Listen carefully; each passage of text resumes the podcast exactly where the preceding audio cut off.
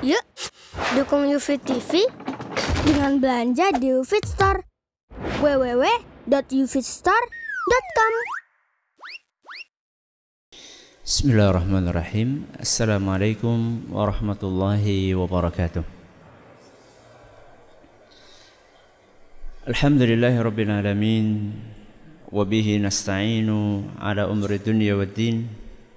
Ala nabiyyina Muhammadin wa ala alihi wa sahbihi ajma'in. Amma ba'd. Kita panjatkan puji dan syukur kehadirat Allah tabaraka wa taala pada kesempatan malam yang berbahagia kali ini kita kembali diberi kekuatan, kesehatan, hidayah serta taufik dari Allah Jalla wa ala sehingga kita bisa kembali menghadiri pengajian rutin untuk membahas akhlak dan adab di dalam Islam. Kita berharap semoga Allah Subhanahu wa taala berkenan untuk melimpahkan kepada kita semuanya ilmu yang bermanfaat sehingga bisa kita amalkan sebagai bekal untuk menghadap kepada Allah Jalla wa Ala. Amin. Salam dan salam semoga senantiasa tercurahkan kepada junjungan kita Nabi besar Muhammad sallallahu alaihi wasallam kepada keluarganya, sahabatnya dan umatnya yang setia mengikuti tuntunannya hingga akhir nanti. Para hadirin dan hadirat sekalian yang kami hormati dan juga segenap pendengar Radio Insani via streaming di mana pun Anda berada. Juga para pemirsa Surau TV dan Yufit TV yang semoga senantiasa dirahmati oleh Allah Azza wa Jal. Pada pertemuan yang lalu kita telah menyelesaikan pembahasan tentang hadis yang keenam tentang hadis yang keenam dari kitab Al-Jami' dalam Bulughul Maram karya Imam Ibn Hajar Al-Asqalani rahimahullah. Sehingga insyaallah mulai hari ini kita akan mengkaji hadis berikutnya yaitu hadis yang ketujuh. Hadis yang ketujuh. Redaksi hadis tersebut sebagaimana yang dituturkan oleh Imam Ibn Hajar Al-Asqalani an Abi Hurairah radhiyallahu taala anhu qala dari seorang sahabat Nabi SAW namanya Abu Hurairah.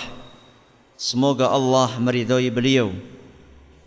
Beliau berkata, qala Rasulullah sallallahu alaihi wasallam. Rasulullah sallallahu alaihi wasallam bersabda, liyusallimis saghiru 'alal kabir.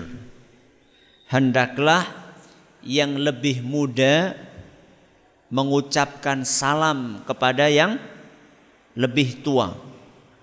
Hendaklah yang lebih muda dialah yang menyalami mengucapkan salam kepada yang lebih tua.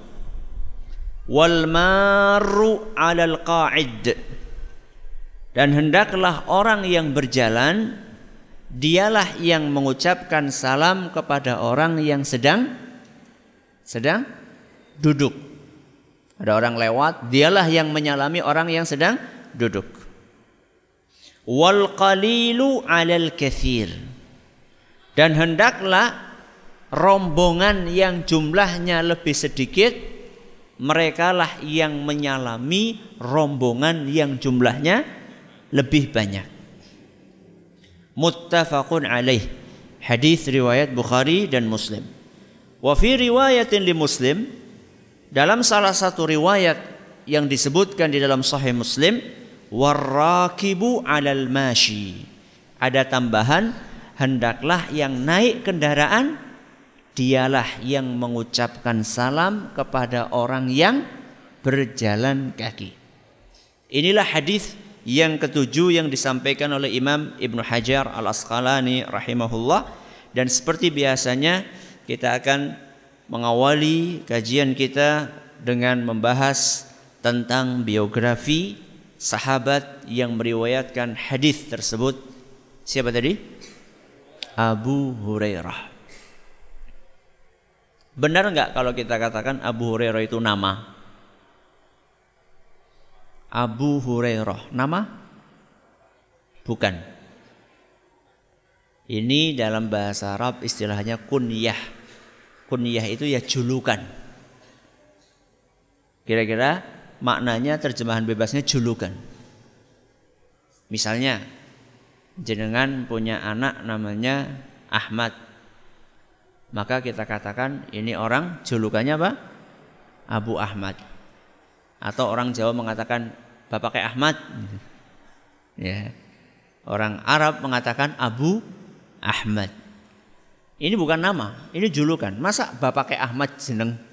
Ya bukan kan, julukan. Julukannya Bapak E Ahmad.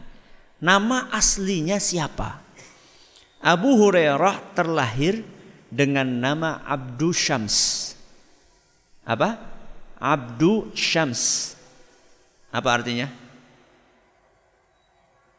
Abdu hamba, Syams matahari. Berarti hambanya matahari. Benar apa salah? Salah. Ahli sejarah mengatakan namanya seperti itu kok salah? Oh, salah kontennya, betul. ya. Ini adalah bentuk nama yang keliru. Penghambaan kepada selain Allah. Contoh Abdul Ka'bah. Hambanya apa? Ka'bah. Contoh yang lain. Abdul Nabi. Hambanya apa? Nabi. Abdul Rasul. Hambanya Rasul. Ini tidak boleh. Makanya begitu Abu Hurairah ketemu dengan Rasulullah sallallahu alaihi wasallam, Ditanya sama Rasul sallallahu alaihi wasallam, "Masmuk? Siapa namamu?" Abu Hurairah mengatakan Abdus Syams. Begitu mendengar redaksi namanya ini, langsung Nabi sallallahu alaihi wasallam mengganti namanya dan berkata, "Bal Abdurrahman." Kamu mulai detik ini namamu diganti menjadi Abdurrahman. Berarti nama Abu Hurairah siapa? Abdurrahman. Bapaknya namanya Sakhr. Ada yang tahu arti Sakhr? Sakhr itu artinya burung elang. Iya. Sakhr artinya burung elang. Orang-orang Arab itu suka yang Fahad apa Fahad? Macan. Jadi orang-orang Arab suka nama-nama yang apa ya? Sangar. ya. Abdurrahman bin Sakhr. Makanya kalau kita buka di biografinya, maka kita temukan Abu Hurairah namanya Abdurrahman bin Sakhr Ad-Dausi. Dari sebuah suku namanya suku Daus. Kenapa kok Sampai sekarang yang terkenal nama apa? Abu Hurairah. Coba angkat tangan yang sebelum ini pernah tahu bahwa Abu Hurairah namanya Abdurrahman bin Sakhar. Satu. Ada yang lain? Gak ada. Berarti lebih terkenal apanya? Abu Hurairah, julukannya daripada nama aslinya. Ya. Bagaimana asbab musabab Abdurrahman bin Sakhr ini dapat julukan Abu Hurairah. Pertama, Abu itu artinya bapak. Hurairah artinya apa? Kucing betina kecil. Apa coba? Cemeng. anaknya kucing ya, anaknya kucing. Kucing betina kecil. Hurairah. Kenapa kok bisa namanya kenapa kok Karena banyak kucing, bukan. Jadi Abu Hurairah ini, ini ketika masih kecil, ketika masih kecil, dia itu suka mainan apa? Kucing.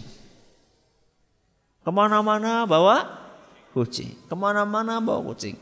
Akhirnya teman-teman sepermainan dia manggil dia, ya, manggil Abdurrahman bin Sakhr ini dengan panggilan Bapak E kucing.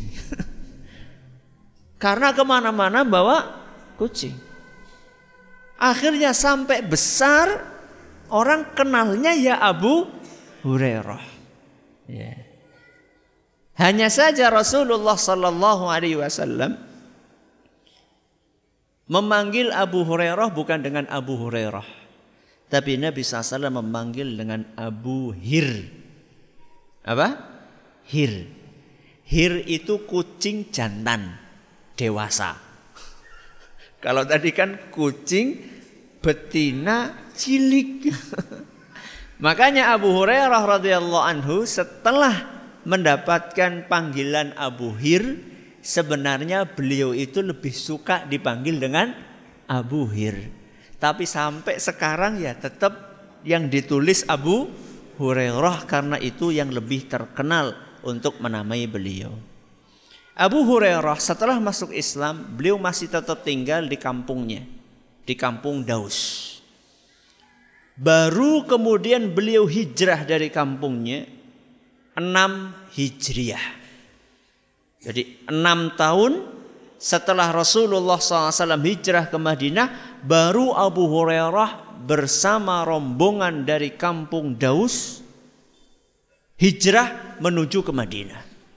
Begitu sampai ke Madinah, Abu Hurairah menghabiskan waktunya untuk melayani Nabi kita Muhammad sallallahu alaihi wasallam.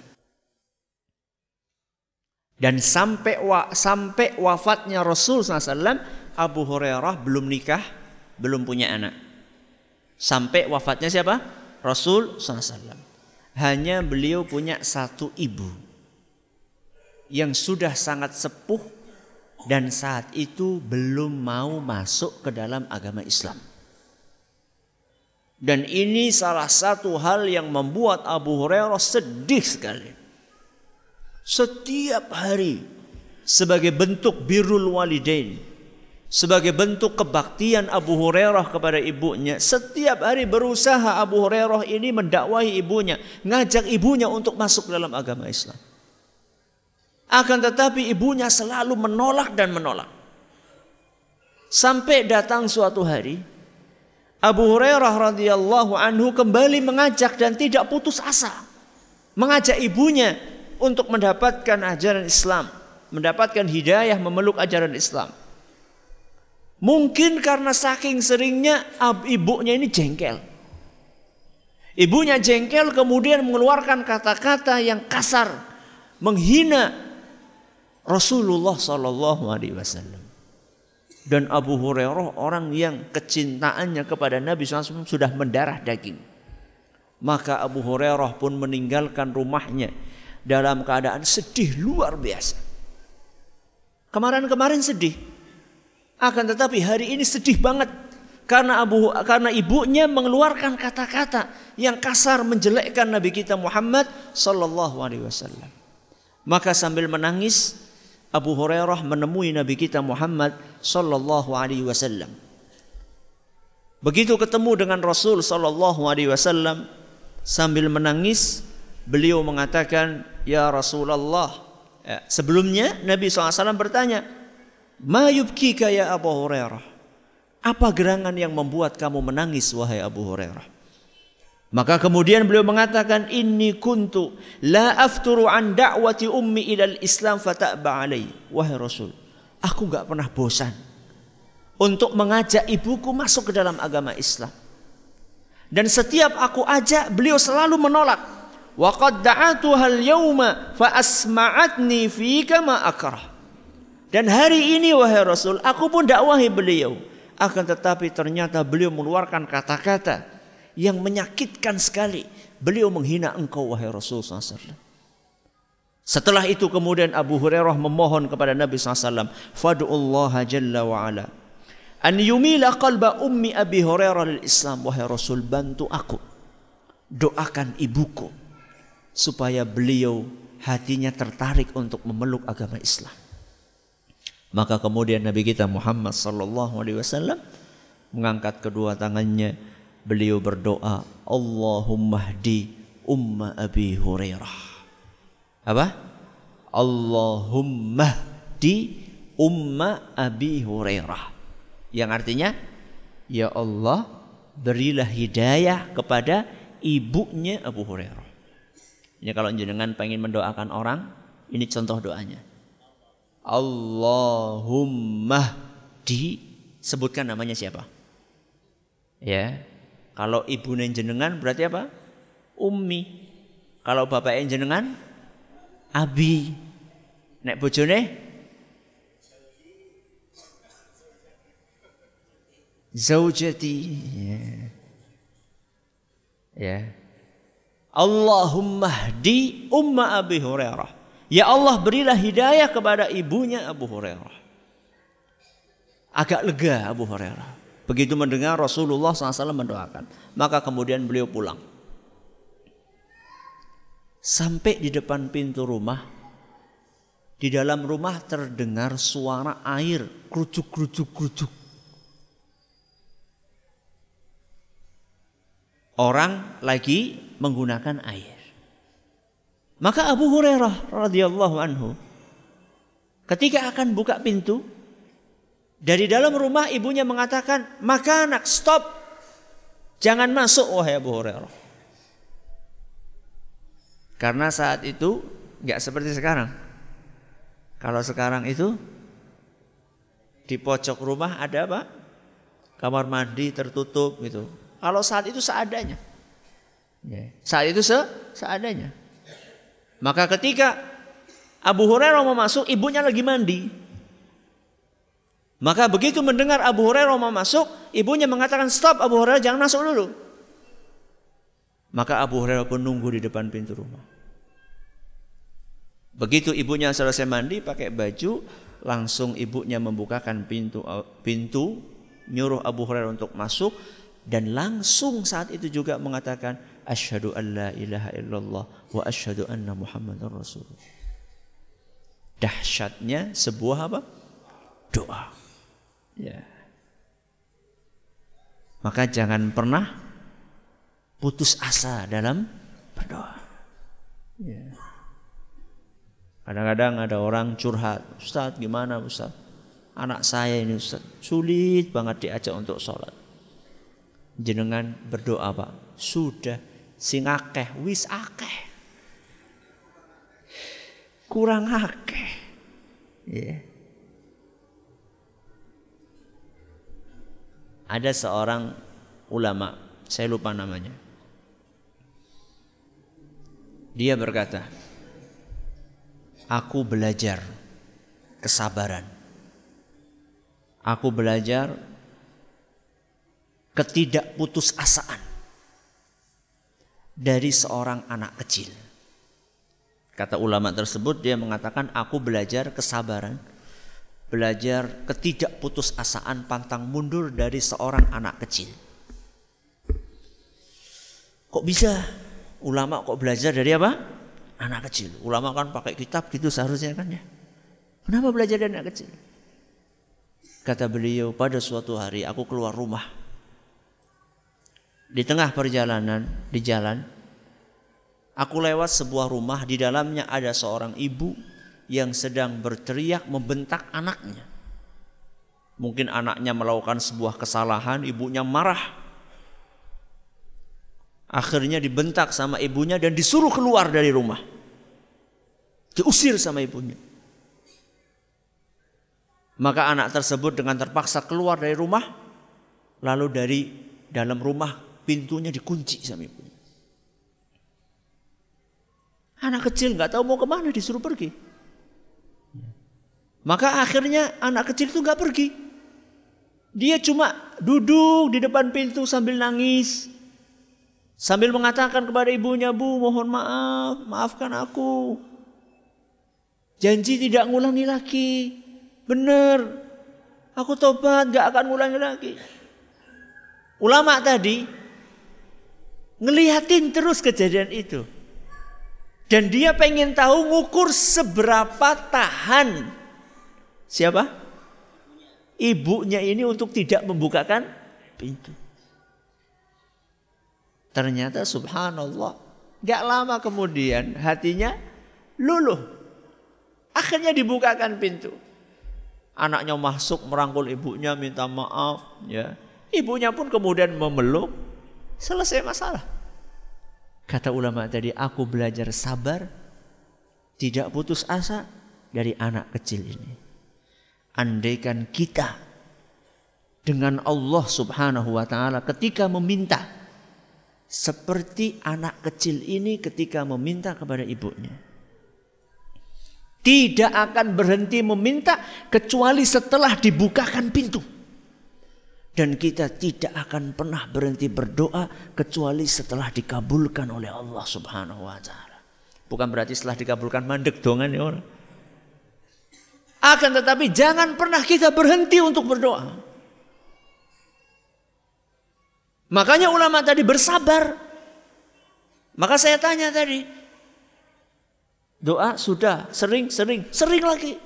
Jangan berhenti. Sampai anak jenengan mau sholat. Sampai bapak jenengan mau sholat. Dan mungkin masih ada di antara kita yang bapak ibunya belum apa? Belum sholat. Betul? Mungkin. Ya. Belum ngaji mungkin. Masih ada. Abu Hurairah begitu melihat ibunya syahadat. Nangis luar biasa langsung balik kepada Nabi SAW kembali dalam keadaan nangis. Tadi datang nangis, sekarang balik lagi apa? Nangis lagi. Cuma nangisnya beda. Kalau tadi nangis sedih, dia nangis senang. Dan kemudian menyampaikan kabar gembira kepada Nabi kita Muhammad sallallahu alaihi wasallam. Menyampaikan kabar gembira kepada Nabi kita Muhammad sallallahu alaihi wasallam bahwasanya ibunya sudah masuk ke dalam agama Islam. Nabi kita Muhammad sallallahu eh, maaf Abu Hurairah radhiyallahu anhu menghabiskan waktunya untuk belajar kepada Nabi kita Muhammad sallallahu alaihi wasallam. Sampai-sampai saking banyaknya waktu yang dipakai oleh Abu Hurairah untuk belajar, kadang-kadang sampai beliau itu nggak ada waktu untuk mencari makan dan umurnya dihabiskan untuk melayani Rasul SAW dan berbakti kepada ibunya. Makanya diceritakan Abu Hurairah radhiyallahu anhu pernah suatu saat lapar sekali, nggak punya apa-apa untuk dimakan. Akhirnya beliau pun berusaha untuk duduk di depan pintu masjid gitu ya. Ada sahabat lewat kemudian pura-pura nanya. Pura-pura apa? Nanya sesuatu.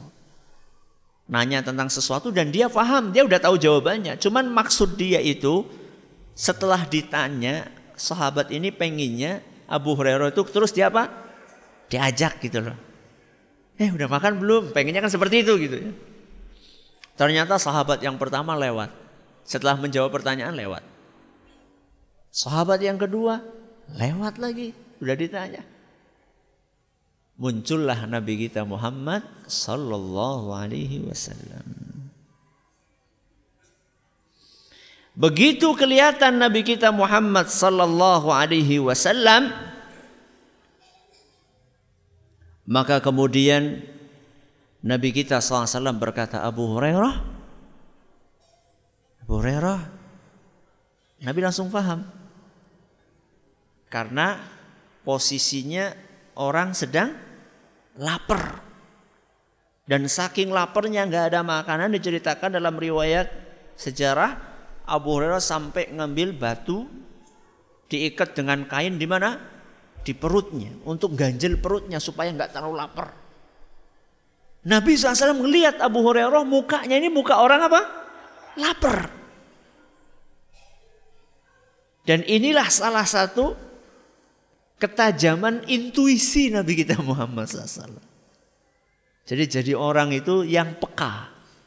Ya. Anak bocah cilik kita lagi makan dulu ngakon baik. Ya paham lah maksudnya apa. Ya. Gak usah ditanya kepengen apa. Jadi kan beli gorengan. Beli gorengan duduk makan. Ada anak kecil kelihati terus. Apa deleng-deleng. Bukannya dikasih malah. Maka kemudian Abu Hurairah pun disuruh oleh Nabi SAW untuk ikut. Ayo ikut ke rumah. Begitu sampai ke rumah. Ternyata di dalam rumah itu Nabi kita Muhammad sallallahu alaihi wasallam melihat di atas meja ada mangkok isinya susu. Mangkok isinya susu. Nabi SAW bertanya dari siapa? Dari fulan wahai Rasul. Ada orang ngasih tanya kepada istrinya. Abu Hurairah, Alhamdulillah. Ya bakaran ngombe apa? Susu. Ternyata Nabi SAW berkata Abu Hurairah, Intaliq ila ahli suffah fad'uhum. Abu Hurairah, tolong panggilkan ahlus suffah. Ahlus suffah itu adalah orang-orang di zaman Nabi SAW yang nggak punya rumah, nggak punya kerabat, nggak punya tempat tinggal. Mereka tinggalnya di emperan Masjid Nabawi. Mereka tinggalnya di emperan Masjid Nabawi. Dan jumlahnya puluhan. Jumlahnya puluhan. Abu Hurairah, tolong panggilin ahlus sufah suruh ke sini. Aduh. Ya oh 30 orang saya kebagian berapa? Akan tetapi ini perintah. Perintah dari siapa? Rasulullah Sallallahu Alaihi Wasallam. Gak mungkin Abu Hurairah menolak. Dengan berat hati Abu Hurairah memanggil ahlus sufah semuanya untuk datang. Puluhan orang. Sudah kan duduk Abu Hurairah, ya wahai Rasul. Ambil mangkok ini. Kasih minum satu-satu mereka. Subhanallah. Kirain dia mau apa? Minum duluan. Akhirnya Abu Hurairah kasih minum satu semangkok. Minum. Minum lagi, minum lagi, minum lagi, minum lagi. Yang seharusnya mangkok itu paling cukup buat dua orang nggak kenyang setiap orang minum balik selesai penuh lagi. Minum penuh lagi. Minum penuh lagi. Mulai Abu Hurairah apa? Lega. Mulai Alhamdulillah guys ya anak jatah. Setelah semuanya ahlu suffah minum semuanya, kemudian Nabi kita Muhammad sallallahu alaihi wasallam ngelihat Abu Hurairah sambil tersenyum. Beliau berkata, "Baqitu ana wa anta." Abu Hurairah yang belum minum tinggal kita berdua. Tinggal saya dan kamu. Sodakta ya Rasulullah. Benar wahai Rasul. Kata Abu Hurairah. Maka kemudian Nabi SAW kata, Ishrab. Kamu minum duluan. Maka Abu Hurairah minum. Mandek sedela Nabi katakan, "Isyrab, minum kamu." Kulu kulu kulu kulu kulu. Berhenti sebentar. Minum. Kulu kulu kulu kulu. Minum. Kulu kulu kulu. Sampai akhirnya Abu Hurairah mengatakan, "Wallahi ya Rasulullah, la ajidu lahu masagal." Wis ora nanggon. Perut sudah penuh, gak ada tempat wahai Rasul. Maka Nabi SAW senyum, kemudian manggil, ngambil mangkok tadi dan Rasulullah SAW minum terakhir. Begitulah pemimpin. Begitulah pemimpin. Orang bisa turu naik rakyatnya isian sing kencot. Sulit tidur kalau misalnya masih ada rakyatnya yang kelaparan. Satu mangkok. Dipanggil rakyatnya semuanya dulu. Baru terakhir. Itu pun bekasnya siapa? Ahlus sufah. Inilah pengorbanan siapa? Abu Hurairah radhiyallahu anhu. Setiap hari Abu Hurairah berusaha untuk menyertai Nabi kita Muhammad SAW ketika sedang safar, ketika sedang tidak safar, ketika Nabi Shallallahu Alaihi Wasallam di pasar, ketika di kebun, ketika di mana saja, Abu Hurairah selalu bersama dengan Nabi SAW. Seperti bayangannya Rasul SAW. Sehingga tidak heran Abu Hurairah radhiyallahu anhu ilmu yang didapatkan dari Nabi SAW itu luar biasa banyaknya.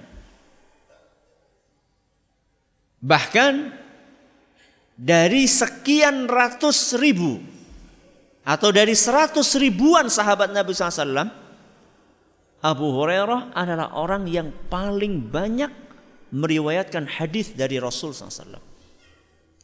Para ahli sejarah mengatakan hadis yang dimiliki atau diriwayatkan oleh Abu Hurairah ada 1609 hadis. Berapa? 1609 hadis. Sehingga Abu Hurairah radhiyallahu anhu ketika melihat orang-orang tidak pada belajar ilmu agama, tidak belajar hadis Nabi SAW, sedih beliau. Pernah suatu saat Abu Hurairah setelah wafatnya Rasulullah Sallallahu Alaihi Wasallam, beliau pergi ke pasar. Di pasar orang pada jual beli, asyik, tawar menawar. Maka kemudian Abu Hurairah pun mengatakan, Ma'ajazakum ya ahlal Madinah. Wahai penduduk Madinah, kenapa kalian malas banget? Orang lagi jual beli, Tahu-tahu dikatakan apa? Males. Oh, kita lagi semangat-semangatnya kok. Dikatakan apa? Males. Maka mereka mengatakan ini yang ngomong Abu Hurairah. Mereka juga nggak mau nggak berani macam-macam. Yang ngomong siapa? Abu Hurairah. Maka kemudian mereka berkata, "Wa ma ra'aita min ajzina ya Abu Hurairah?" Gimana kamu katakan kami malas wahai Abu Hurairah? Maka kemudian Abu Hurairah mengatakan, "Mirathu Rasulillah sallallahu alaihi wasallam yuqassam wa antum hahuna." Warisan Rasulullah SAW sedang dibagi-bagi. Kenapa kalian di sini? Warisan Rasulullah SAW sedang dibagi-bagi. Kenapa kalian di sini? Ala tadhabuna wa ta'khuduna nasibakum. Kenapa kalian tidak pergi ngambil jatah kalian dari warisan Rasul SAW? Orang-orang, uh, warisan. Ya. Maka mereka mengatakan, wa aina huwa ya Abu Hurairah? Di mana dibagi-bagi warisan itu wahai Abu Hurairah? Beliau mengatakan fil masjid. Di masjid. Maka langsung brrr, Pergi ke mana? Ke masjid. Abu Hurairah tetap di pasar. Nungguin ya. Maka nggak lama kemudian mereka pada balik. Balik lagi. Ya Abu Hurairah, laqad ataina al-masjid fadakhalna fihi falam nara syai'an yuqassam. Abu Hurairah, kami sudah sampai ke masjid, kami sudah masuk. Kami nggak ngelihat ada sesuatu yang dibagi-bagi di situ. Maka kemudian Abu Hurairah bertanya, kalian gak lihat satupun orang di masjid? Iya kami ngelihat. Lagi pada mereka, lagi pada ngapain mereka? Ada yang baca Quran, ada yang belajar, ada yang zikir, ada yang ini. Ya itulah warisan Rasul SAW. Kita sekarang ini sedang apa? Bagi-bagi warisannya Rasulullah SAW. Beliau pernah bersabda, "Ala wa innal anbiya'a lam yuwarrithu dinaran wala dirham." Ketahuilah, para nabi alaihi wassalatu wassalam tidak mewariskan dinar juga dirham. Mereka tidak mewariskan emas, mereka tidak mewariskan perak. Wa inna ma warrathul ilm. Yang mereka wariskan adalah apa? ilmu. Faman akhadahu akhadha bihadzin wafir. Barang siapa mendapatkan warisan Rasul sallallahu alaihi wasallam maka dia telah mendapatkan warisan yang terbanyak dan terbaik. Berarti ngesuk rosah nyambut gawe Ustaz. Ya tetap nyambut gawe. Tetap bekerja.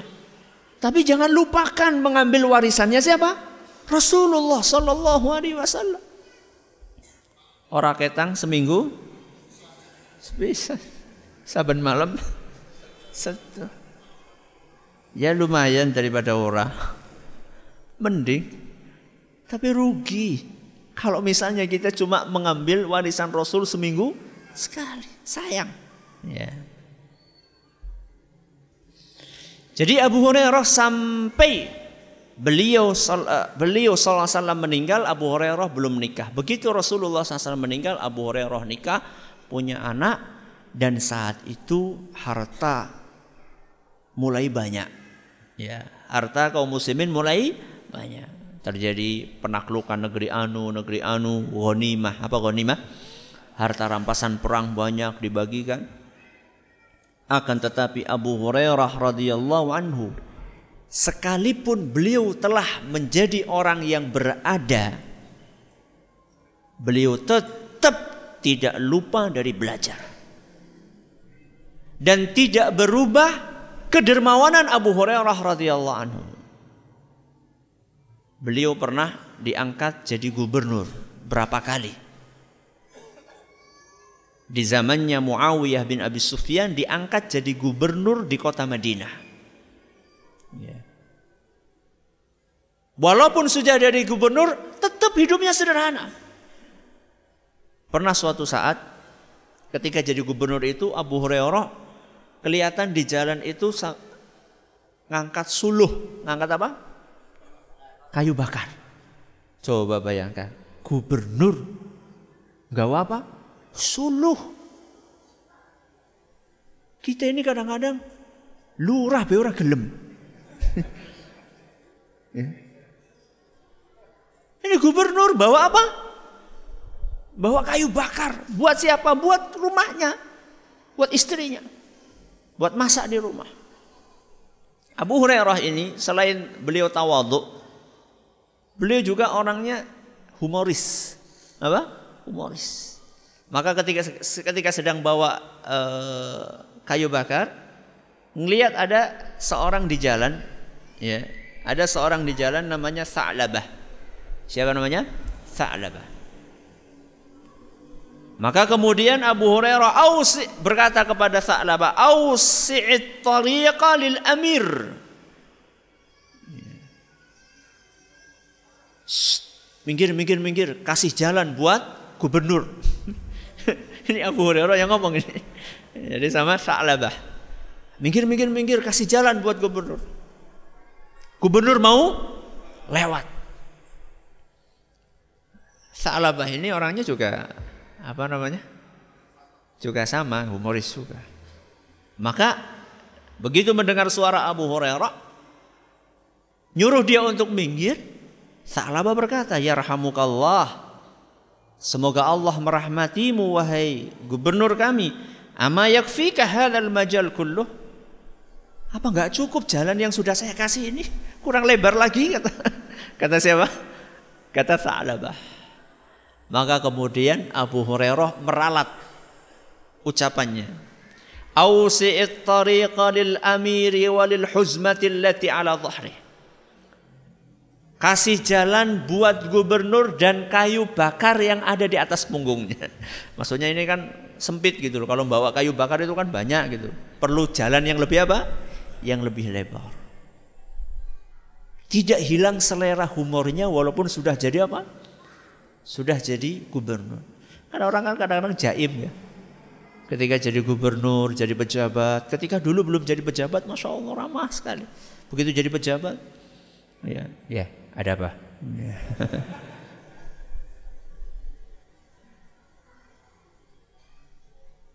Jaga apa? Jaga image ya, supaya kelihatan berwibawa. Ya. Dan beliau walaupun jadi gubernur tidak pernah beliau lupa untuk memperhatikan rakyatnya. Pada suatu hari pernah Abu Hurairah dikirimi oleh atasannya yang saat itu adalah Marwan Ibnul Hakam. Dikirimi duit 100 dinar. Berapa? 100 dinar. Ya kalau satu dinar 2 juta ya sekitar berapa berarti?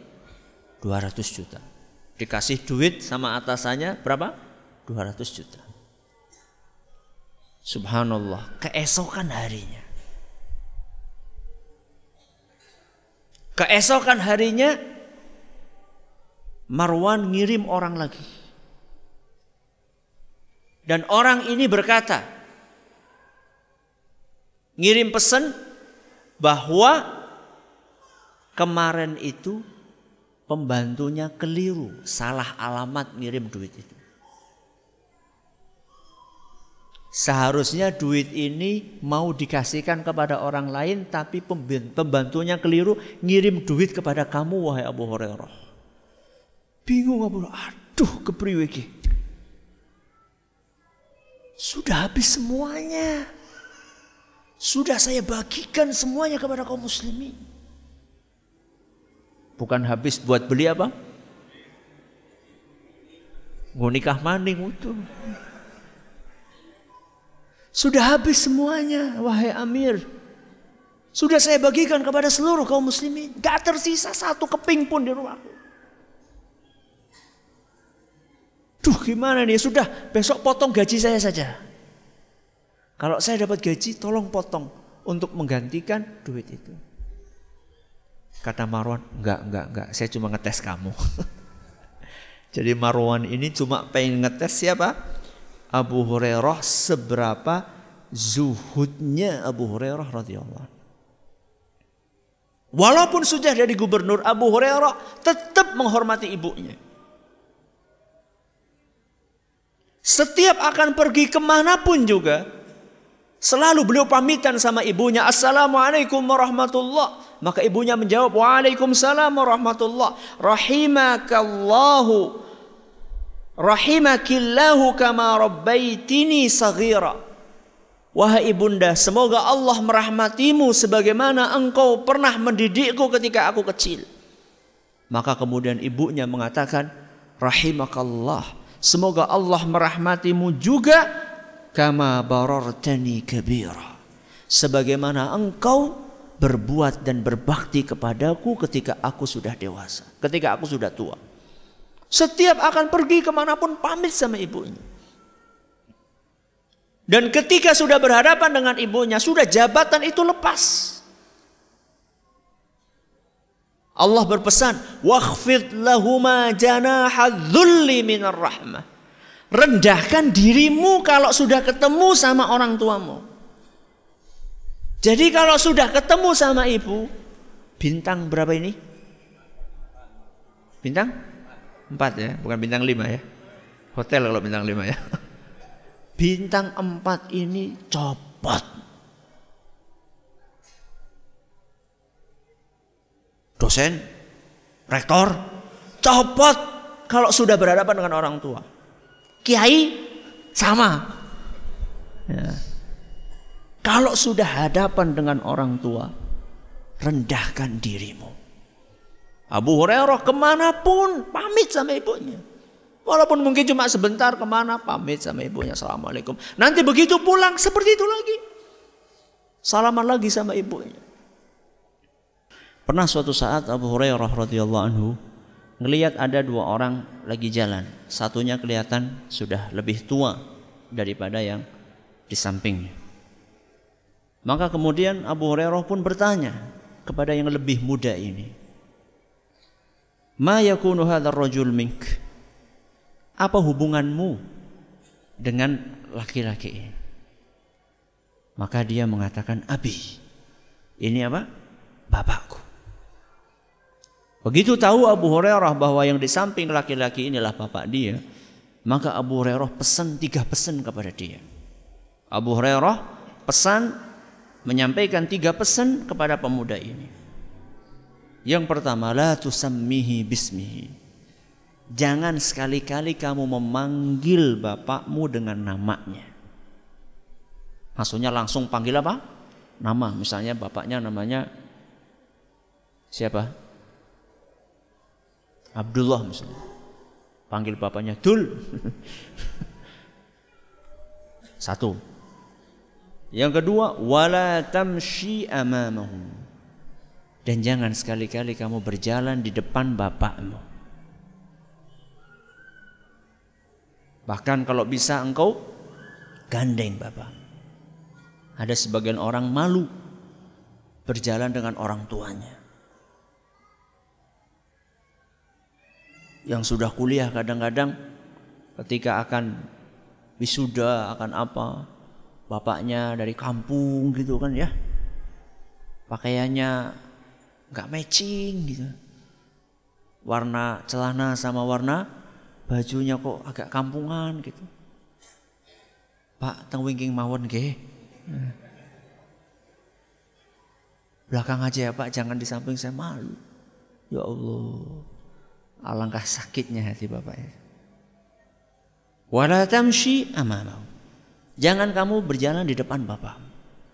Wala tajlis qablahu Jangan, jangan sekali-kali kamu duduk sebelum bapakmu. Jadi kalau ada satu tempat, maka biarkan bapakmu duduk dulu, baru kemudian kamu duduk. Abu Hurairah menjelang wafatnya nangis. Ketika beliau sedang sakit menjelang wafatnya nangis. Maka kemudian ada orang di situ bertanya, "Mayu bekika ya Abu Hurairah?" Apa yang bikin kamu menangis wahai Abu Hurairah? Maka beliau pun mengatakan ama inni la abki ala dunyakum hadhihi. Aku tidak menangisi dunia kalian ini. Aku nangis bukan karena akan meninggalkan dunia ini. Walakinnani abki li bu'di safari wa qillati zad. Tapi aku nangis karena perjalanan yang akan aku hadapi jauh dan bekalku sangat sedikit. Siapa yang ngomong ini? Abu Hurairah.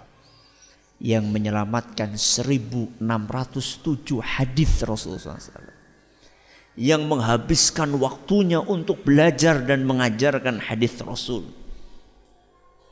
Yang zuhud, yang tawaduk, yang dermawan, yang birrul walidain, yang amanah di dalam mengemban tugas-tugas yang diberikan oleh pemerintah kepadanya.